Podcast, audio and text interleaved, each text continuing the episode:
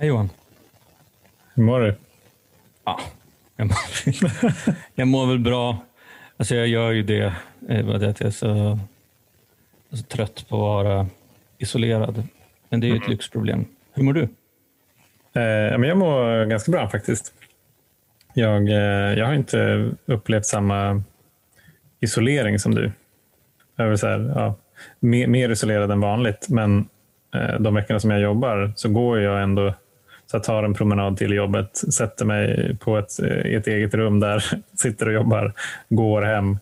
Eh, så jag får ändå liksom se lite andra, lite andra grejer. För mig, jag testade ju för ett par veckor sedan att jobba, jobba hemma och jag mådde verkligen skitdåligt efter några dagar. Så jag kan, alltså jag kan sympatisera med det där måendet. Ja, jag har inte varit på jobbet sedan slutet av oktober. Jag har inte varit Mm. på något fysiskt tolvstegsmöte sedan slutet av oktober. I princip bara träffat folk som jag bor med, förutom när du och jag tog en promenad här i, för några Ja. dagar sedan. Så att ehm, jag tycker väl att priset är värt att betala förstås, men, men eh, det är inte kul. Nej. B- Nyfiken fråga. Mår du just nu som du trodde att du skulle göra efter två månader i isolering? Ja, bra fråga. Jag tror inte att jag har reflekterat över hur jag borde må. Det är väl få som gjorde det innan corona kanske. Ja. Nej, men grejen är att jag är ganska van sedan tidigare att jobba hemifrån. Men eh, då har jag alltid haft möjligheten att liksom göra andra saker utanför jobbet. Eller åka till jobbet om jag har velat. Mm. Nu så... Det enda jag gör nu det är ju typ att gå på affär, hämta hunden på hunddagis, ta någon promenad då och då. That's it. Mm. Och sen så, så är det ju också lite lurigt det här med julen. Och det kan vi väl ta upp i och med det här är det sista avsnittet då inför juluppehållet. Att ja, vi har ju, både jag och Jenny har ju mammor som är, lever ensamma. Vi har syskon, vi har barn på lite olika håll och så där. Fundera på hur, hur och om vi får ihop det där på något sätt. Mm. Vilket gör att julafton på något vis blir något sånt här långdraget. Det blir ungefär som Black Friday, det blir så Black Week, det blir vi försöker Christmas Week Ja, just det. i år. Och åka och träffa folk lite så utomhus på olika dagar. Och det är väl heller inget konstigt. Alltså jag det känns lite löjligt att klaga. Eh, Jag har ju valt att göra det här själv. Alltså jag har valt att isolera mig därför att jag tycker att det är rätt sak att göra. Och eh, det går ingen nöd på någon av oss. Så att det går väl över någon gång. Men eh, jag märker ju att jag... Ungefär som med mina karaktärsdefekter, när jag går in i någonting så, så har jag ju lätt att stanna kvar där. Alltså ju, ju mindre jag gör, desto mindre gör jag. Ju mer isolerad jag är, desto mer isolerad blir jag. Det är svårt att bryta liksom destruktiva eller negativa beteendemönster. Även fast jag vet att Ja, men Roger, du kan ju gå ut och promenera varje lunch om du vill. På morgonen, på kvällen. Liksom. men istället så blir det bara fler och fler tv-serier. Mer och mer eh, jobb som tar längre och längre tid att göra därför att jag har liksom inget tempo i kroppen. Mm. Och eh, också en grej vi pratade om tidigare med Marianne, tror jag det var. Att det är så jävla skönt också att sätta på sig offerkofta. Mm. Ja, den är, den är, i alla fall vid första, vid första provningen så är den ju varm och precis. härlig. Och, Ja. Och eh, sitta och tycka synd om sig själv lite grann. Så, men ah, vad fan. Det går ingen nöt på mig. Och för att svara på din fråga om jag mår som jag trodde att jag skulle må så jag mår väl jag, liksom, jag mår okej. Jag, jag har liksom inga depressioner eller inga, inte jättemycket negativa tankar. Det är bara det att jag blir så uttråkad, rastlös och lat. mm. Och det kan jag väl leva med ett tag till. Om det räddar befolkningen i världen, ja. tänker jag. Men du har liksom inte, alltså jag bara, jag bara tänker, vi, vi pratar ibland om så här andlig spänst. Mm. Hur, hur relaterar det till det du precis har berättat? Bra fråga. Jag, eh, vi hade ju ett snack här tidigare i höstas och efter det så var jag väldigt noga med mina eh, morgonrutiner. Tills för ungefär, ah, det var i slutet på november tror jag. Mm. Då bara slutade. Sen har jag tagit upp det någon gång då och då sedan dess, men inte dagligen. Tänkte på det senast i morse faktiskt. Äh, Nej, men jag tar min kaffe och kollar Facebook istället. Mm. Facebook eh, är ju ändå källan för andlig spänst. Som vi alla vet om. Nej, det är väl också någonting som är lätt för mig att eh, gå ner mig i det här träsket, att inte liksom göra någonting åt det. Mm. Jag känner liksom lite grann att jag är den här, jag sitter i offerkoftan och jag är i en djup brunn så jag kan lika gärna stanna kvar där nere ett tag. Liksom. Mm. Ja, Jag kan känna igen den här känslan av att inte känna sig konstruktiv. När jag är där, då, då, då är jag också där, men jag kan lika gärna stanna här för att det, det finns ändå ingen kraft framåt. eh, på något vis. Det blir lite som en ond spiral det där. Ju. Ja.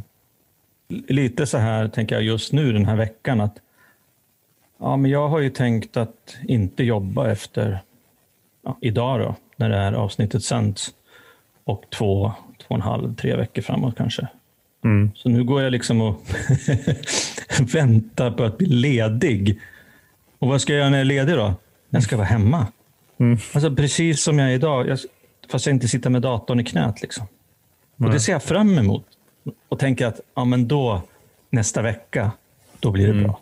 Mm. Och det känner jag också igen ifrån framförallt det aktiva. Ja, men nästa vecka, när det blir ledigt, då kommer allting att bli bra. Mm. Men det, det är på något vis en, jag vet inte, vi har snackat om det förut, men det är liksom en, en härlig känsla också, för att det finns något form av hopp i det där. Att så här, ja, men det blir bättre.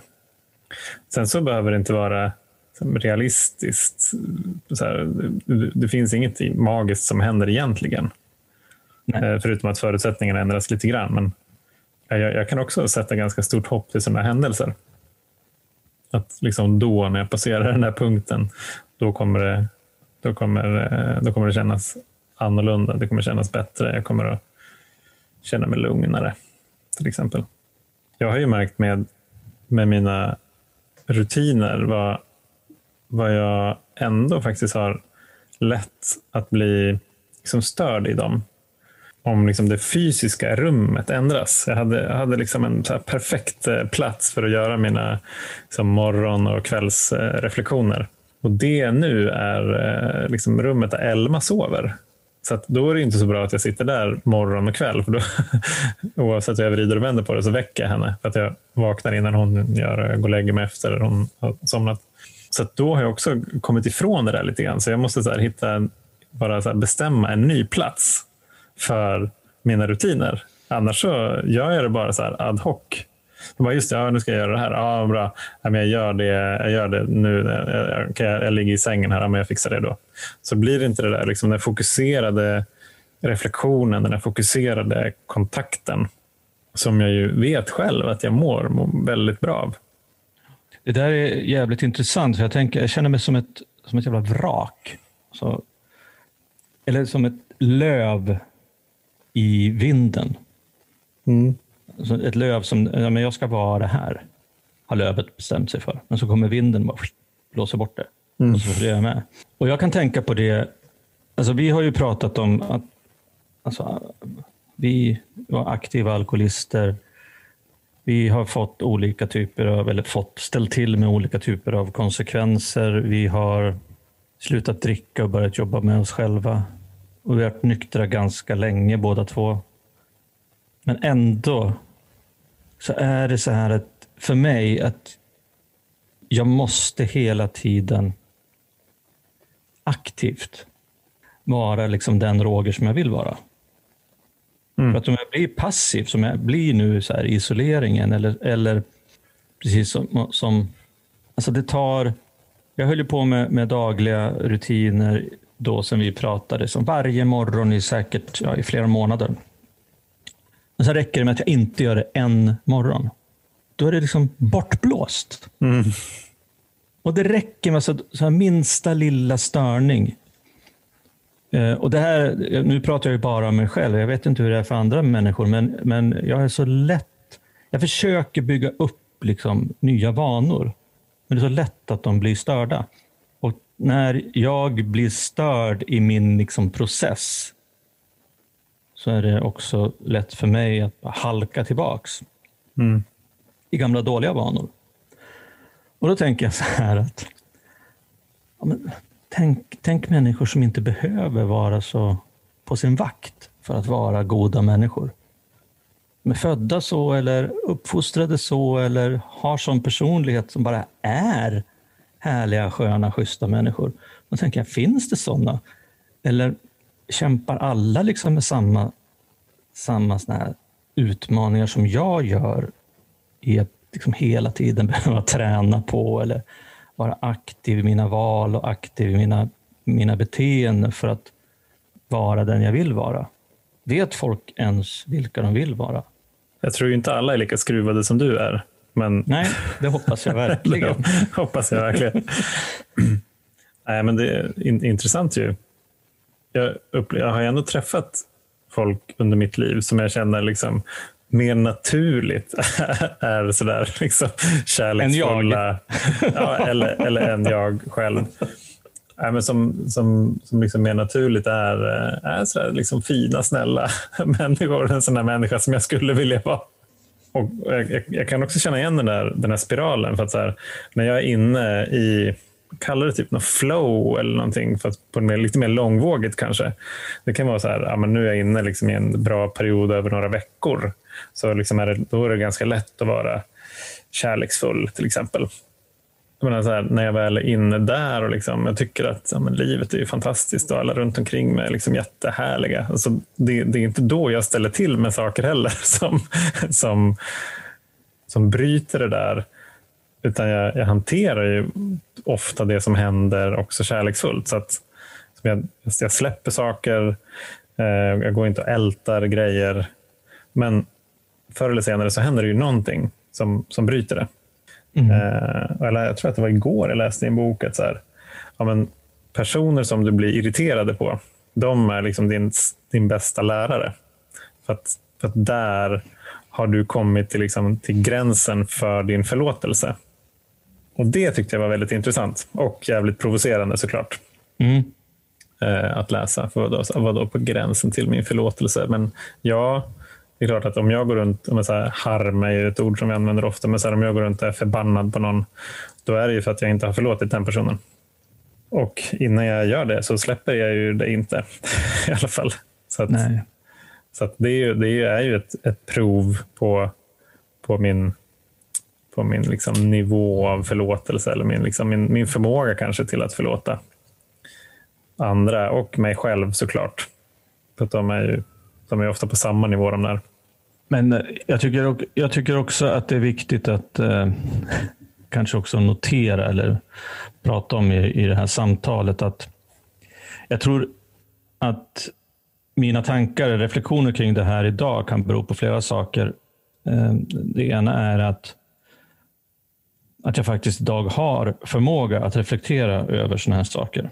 Vilket jag inte hade då, utan då var jag ju ständigt irriterad eller rädd eller arg eller la energi på andra människor. Nu så kan jag liksom se mig själv. Jag tror också att min, mina sensorer har blivit mycket känsligare mm. för när jag tycker att jag går över gränsen eller när jag tycker att jag inte är den jag borde vara.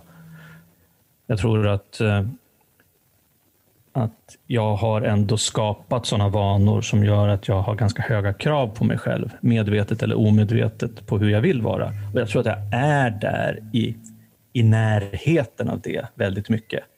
Det var det med, med känsligare sensorer så blir liksom dippen, små dipp kanske känns stora.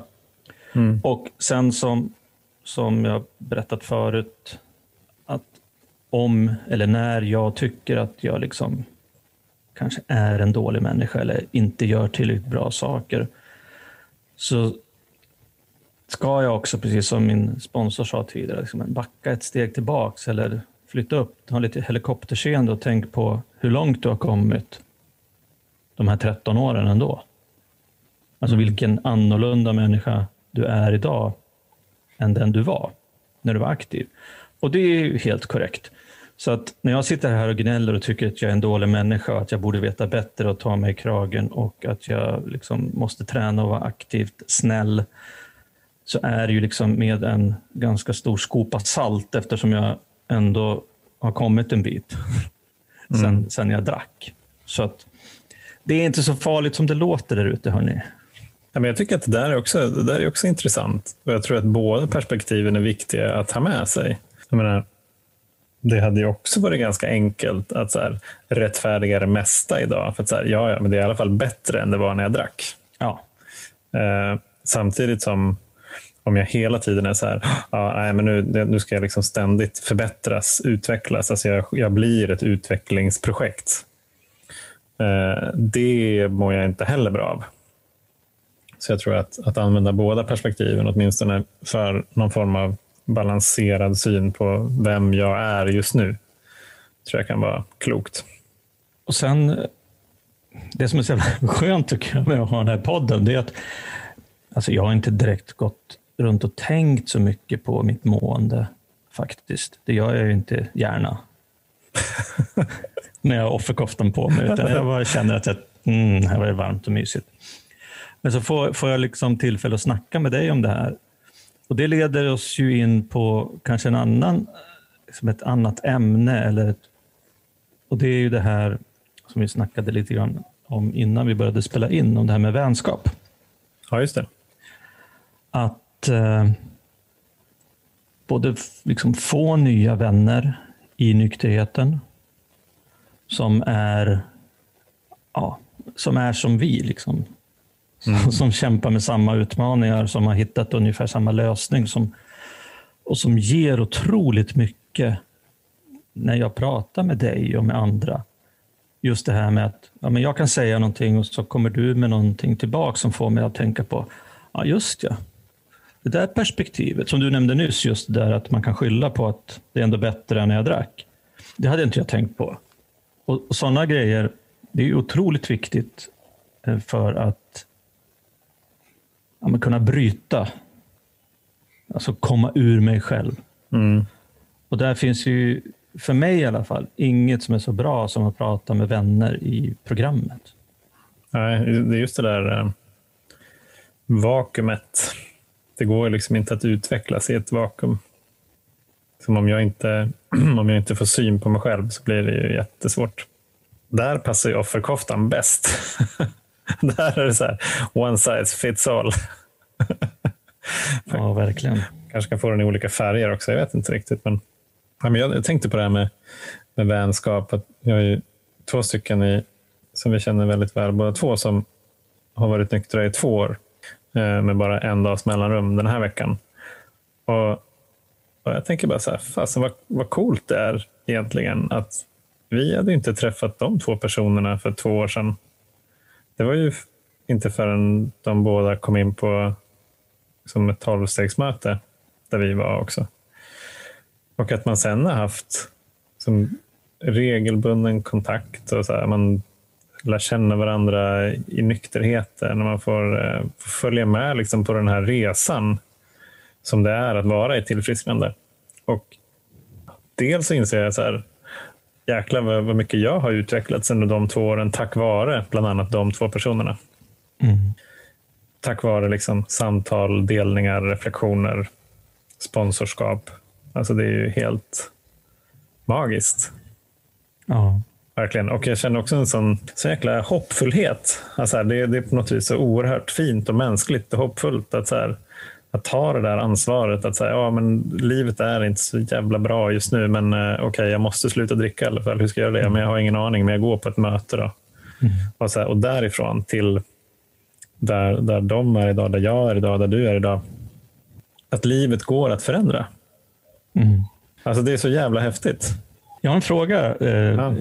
gällande det här som jag kom att tänka på när du sa att vi har känt dem i två år ungefär. Och det stämmer ju. Och du har varit nykter i fem år och jag har varit nykter i 13 år. Och när man kommer på sådana här möten då, som nykomling så brukar det ofta säga liksom att man ska ta rygg på någon som har gått före. Mm. Någon som har något som du vill ha. Ja, så att man tittar på oss gamlingar inom citattecken. Då. Och då tänkte jag ställa frågan till dig. Känner du dig som en som har gått före? Och i så fall, liksom, vad tror du att du har som de vill ha? Oj, bra fråga. Ja, men det, det tror jag nog att jag har gjort gått före. Alltså, jag, tror att, um, jag tror att det handlar mycket om, om um, här, när, när vi träffas på möten till exempel. Då upplever jag i alla fall att det är, uh, man, man, får liksom en, man får en djupare förståelse för en person när liksom han eller hon delar. Till exempel. Och jag vet att jag fick kontakt med båda de här ärorna efter att jag hade delat om. Jag var liksom inne i en period där jag tänkte väldigt mycket på att växa upp. Som hur det var. Att, liksom att att nykt, i nykterheten så växer jag upp. För att jag hade liksom inte gjort det fram till jag var 35 och liksom de första åren i nykterheten så var det väldigt mycket nytt att lära. Och så, här. Och så märkte jag väl att så här, två, tre år in så började jag växa upp. På riktigt kanske. Och att så bara, aha, nu är det det det handlar om. Så att, då var det på något vis här, i det området bland annat som vi möttes. Då var det ju det som jag delade med mig av som de såg någonting i. Eh, och så började liksom relationen där. Sen så har den ju tagit en massa andra spår också. Jag tror att vi, vi, liksom, vi tar rygg på varandra i olika faser. Eh, men jag kan ju känna att jag ibland liksom tar rygg på, på den som jag sponsrar också. Mm. Det, liksom, det, det, finns inte någon sån liksom, hierarki direkt. Och, utan det är liksom det, det, finns så oerhört många aspekter av livet. Menar, vissa har um, relationer, barn är på liksom ett visst ställe i karriären, uh, har, har haft erfarenheter av att saker och ting gått bra eller dåligt inom något område, till exempel jobb säger vi. Ja, men då är det ju jättespännande för mig om jag råkar vara i en sån fas själv. Att jag sträcker ut en hand till någon. Så här, just jag hörde att du delade om det där på jobbet. Skulle vi kunna ta en kaffe? Eller en promenad eller någonting. Att så här, så att ja, vi går, ju, vi går ju före genom att bara dela med oss av våra erfarenheter. Och Det är liksom det enda, enda sättet. Och Det innebär ju också att ålder eller tid eller så spelar egentligen inte så stor roll på ett sätt. Utan de erfarenheterna som man tillskansar sig och de reflektioner man gör utifrån det. Över hur man har liksom hanterat de här situationerna. Ja, jag tänker så här att det för mig, precis som jag har hört många andra säga, liksom, när jag började gå på möten och såg de människorna som var där. Som hade haft, ja, men, de flesta som var där när jag kom i början hade ju längre nykterhet än vad jag hade. Mm. Och eh, just det där att det var ju, det var ju de människorna som fick mig liksom att vilja vara kvar i nykterheten. Därför att jag såg liksom att, att det finns människor som är här nära, här och nu som, som har hanterat det här problemet. Och nu verkar det som att de har, har liksom hittat en, ett liv som är värt att leva. Mm. Och Jag tror väl det liksom också att det är intressant när du snackar om det där att ta rygg på varandra därför att jag kan jag kan ibland tycka att, ja, men att det är mycket mer intressant och lärorikt att prata med människor som inte varit nyktra så länge än sådana som har varit nyktra lika lång tid som jag eller längre. Därför att det känns som att ja, vi har varit igenom alla de här cyklerna så många gånger och vi, vi de som jag pratar med, liksom att det ändå, vi gör på lite olika sätt, men har hittat någon typ av, inte för att vara respektlös, men liksom någon typ av vardagslunk i att vara nykter. Mm. Medan det för en, en tidigt i nykterheten är väldigt mycket mer berg och dalbana. Mm. Och om jag då pratar med någon som sitter i den där berg och dalbanan, då kan jag liksom dels tänka tillbaks, men också liksom, för det finns så mycket som, som de för, för liksom funderar på. Som mm. jag typ där jag kanske har varit tidigare, men som jag har glömt bort eller inte, som ligger under ytan, liksom där, som, som kan vara bra för mig att lära mig också. Så jag tycker att det är helt fantastiskt. Och det är lite roligt här att jag har ju snackat med, med eh, ja, en kille som jag sponsrar som ska göra eh, fjärde, femte steget. Mm. Och då sa jag så här att, ja men fan, jag vill också göra fjärde, femte steget, sa de. Så att eh, vi gör det tillsammans. Mm. Du gör Coolt. ditt fjärde, så, så, det, så lämnar du till mig och så gör jag ett fjärde, så lämnar jag det till dig. För han har gjort stegen förut också. Mm. Så att det är liksom för oss är det inte första gången. Jag tänkte att, och det är lite så här, oj, får man göra så? Men det är ju en annan alkoholist som kan vägleda mig och ta hand om och sen att lämna mm. över ett femte steg, det behöver man ju inte göra till sin sponsor nödvändigtvis. Men, Nej. men det tyckte jag var en, en intressant take på liksom att utveckla, vi är ju också vänner. Alltså att utveckla eh, kommunikation, vänskap, relation, att göra på det här sättet. För jag, jag, jag tror att jag är mer nervös än vad han är, därför att han har ju valt mig som sponsor, men jag har ju inte berättat alla grejer för honom, vad jag har ställt till med under mitt liv. Så jag, kan, jag kanske får kicken efter. ja, precis. Sån klassisk eh, femte stegs nervositet. Vad härligt, det där gillar jag. Det var fräscht. Ja, jag, nu har vi inte gjort den, så vi får se. Det är kanske är slutet på, på the end of the world. Men, men jag tror inte det. tror eller, eller, på en fin, eller på en fin vänskap. jag tror både han och jag kommer överleva detta. Ja. Hoppas jag. Ja, jag, jag tror det också. Ja, vad kul. Och sen så tänker jag också på, alltså på det här med vänskap. Att det är många, flera som hör av sig till oss och eh, vill bli nyktra. Mm. Liksom det, det fortsätter och det liksom ökar.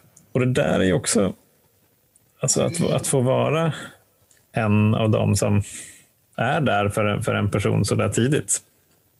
Det är en jättefin gåva. Mm. menar, det, jag vet ju själv liksom hur det var så där tidigt. Alltså så här, allt är ju upp och ner. Man vet liksom inte riktigt vad det är som händer. Det känns som att det är ett jättestort beslut, vilket det ju är. Ett ganska ja, livsförändrande beslut. Det är inte så ofta man tar sådana. Nej. Nej, det är jävligt fint och jag tänker på det nu. nu eh, kommer att tänka på just där kring det här alltså samtalen som vi har. Jag vet, jag pratade ju med dig när vi träffades på promenad om det här tv-avsnittet. Mm. Har du sett det? Nej, inte än. Eh, jag måste, jag måste berätta om... Det finns en tv-serie på HBO Nordic som heter Euphoria. Som handlar bland annat om en, en 17-årig tjej som har drogproblem och är in och ut ur NA. Och de släppte ett specialavsnitt eh, här i ja, slutet på november eller början av december som jag och Jenny kollade på här, här veckan. Och det är så jävla... Jag tänkte på det just det där med, när du började prata om att det var fint och så att jag... Alltså jag satt och... Jag började gråta för att jag tyckte det här avsnittet var så fint. Därför mm. att det är ett samtal mellan henne och hennes sponsor på ett café, liksom, en restaurang, som håller på i 50 minuter. That's it. Mm. Mm. Det hela specialavsnittet är liksom 12-stegs snack. Och jag bara, det här är sjukt. Alltså, de, har, de har också gjort det bra, tycker jag. Um, ur, ur liksom, mitt perspektiv, hur jag ser på saker och ting. Men det är också så jag blev så överväldigad av att någon väljer att, och en framgångsrik tv-serie, göra ett specialavsnitt som är ett samtal mellan en beroende och eh, en sponsor. Mm. Och jag bara, det här är helt sjukt. Det här borde alla se. Liksom. och, eh, och jag tycker någonstans att det, jag tänkte på det här eftersom att vi går före och, och du och jag är ju Ja, i och med att vi gör den här podden så är vi också ganska offentliga med eh, både vilka vi är och också vad fan vi tänker på. Mm. Hur vi är som människor och vad vi har för känslor och rädslor och allt möjligt konstigt mm. runt som vi slänger ut i, i eten. Men jag tänker också på att det för mig, jag kan tycka att det är en viktig bit av min alltså, gå före identitet. Tycker jag själv. Sen vet jag inte om andra människor tycker det är, är, är så viktigt eller spelar någon roll. Eller de kanske tycker att det är trams bara. Men jag vet ju att vi gör ett... Eh, att vi når väldigt många. Jag vet att det är många som hör av sig till oss och jag vet också att, att det finns människor där ute som har liksom blivit hjälpta av, delvis, av att vi finns. Så att jag tycker att det är också med de samtal med de gästerna vi har haft tidigare och ett samtal som kommer här efter nyår som gör liksom det här att det måste bli, vi måste bredda diskussionen, vi måste bredda samtalet, vi måste öka kunskapen och medvetenheten om att det ett går att bli nykter. Det går att sluta dricka eller knarka. Två, att det finns en lösning för hur vi kan hantera den här sjukdomen och de här utmaningarna som vi har. Och tre, även om jag känner mig isolerad och inte så schysst, så just nu på grund av isolering så, så, så går det liksom att få ett jävla fint nyktert liv. Och jag vet inte riktigt hur jag hamnade här, men, men jag tycker det är så jävla eh, stort att få vara en del av det här. Ja, det är det. Och snart är det jul. Ja, det, det är också en eh, absurd grej tycker jag. Mm. Det har inte riktigt julfeeling. Men eh, den kanske, kanske kommer. Ja, och jag tänker att julen kan ju vara en knivig tid. Både för sådana som dricker, sådana som är i närheten av en, en människa som dricker. Någon som precis har slutat dricka kanske, även om man har varit nykter länge. Och framförallt i år då det kanske blir mer ensamt än någonsin. Så jag skulle vilja, liksom vilja uppmana er som lyssnar att skriv till oss om det känns jobbigt. Liksom. Mm. Ja, gör det. Hör av er på Instagram eller um, Messenger eller på mejlen alkispodden.gmail.com. Vi har, vi har koll där under, uh, under helgerna och kanske har ännu mer tid att svara. ja, vem vet? Vem vet? Ja. Har du något mer? Jag känner mig, liksom ganska, jag känner mig ganska lugn. Jag blev väldigt lugn av det här samtalet. Det kanske var det här som var insparken till, eh, till lite julfeeling ändå. Faktiskt. Att jag börjar så fokusera lite mer på, på de viktiga sakerna. Här på, vi pratar om vänskap och tacksamhet och kärlek till exempel. Ja. det är så här, ja, det kanske är mycket av det som julen handlar om. Mm. och inte det där stresset och grejerna och all mat, även fast det är gott. Men att vi liksom får vara hemma här och fira, jag, Josefina, och Elma och Gustav. Och bara få vara tillsammans. Mm. Jag är så här, okej, okay, bra. Där, eh, där tog eh, julklappslistan slut. det behöver liksom inte vara så mycket mer än det. Ja, nej, fan vad skönt. Jag tycker också att det varit väldigt skönt att snacka. Jag tror att jag pratat mig lite ur den här isoleringen mm. nu. Och eh, tänker på det här med närvaro. Vi pratade just om det här löftet om den här julveckan. Löftet om julen, löftet om snart ledigheten. Mm, just det. Och att det var, kunde vara peppande och sådär. Och det, det, är ju förstås, men jag kommer att tänka på när du pratade om det att ja, men fan. Om man tar av mig offerkoftan och slutar tänka på att julen ska fixa allting och försöka vara närvarande och vara den jag vill vara nu istället. Mm. Så blir det förmodligen mycket bättre. Det är värt att chansa i alla fall. Ja, precis. Det är värt att chansa. Så att um, det är det. Mm. Underbart. Tack till alla som har lyssnat ända hit. Ja. då, får ni, då får ni höra oss önska er en, eh, en riktigt god jul. Ja, god jul på er. Tack för eh, hösten och vintern. Och vi, ses, eh, vi ses igen här om några veckor. Ha det bra alla. Mm. Ta hand om er. Mm.